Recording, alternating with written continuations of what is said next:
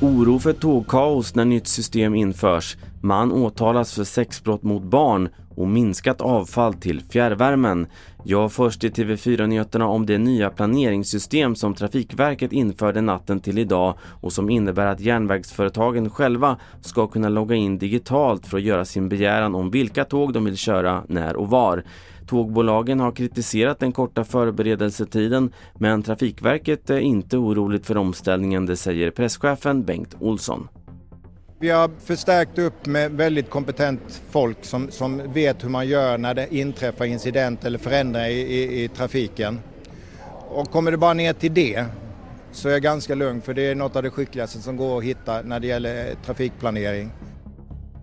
En man i 30-årsåldern i Köping åtalas för en rad sexbrott mot barn, det rapporterar lokala medier.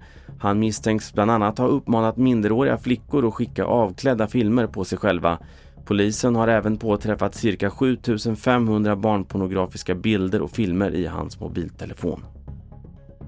De tuffa ekonomiska tiderna leder till minskad konsumtion bland svenska hushåll, något som nu också märks i vårt avfall.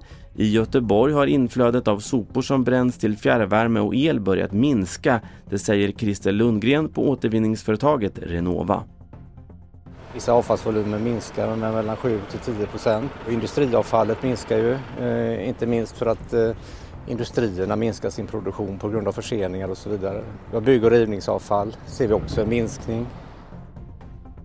Och till sist, i Florida tidigt i morse lyfte världens första privatägda månlandare, den obemannade iSpace. Ombord finns två månbilar, en från Japan och en från Förenade Arabemiraten.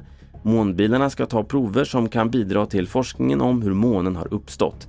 Resan beräknas ta fem månader. Fler nyheter på tv4.se. Jag heter Carl-Oskar Alsen.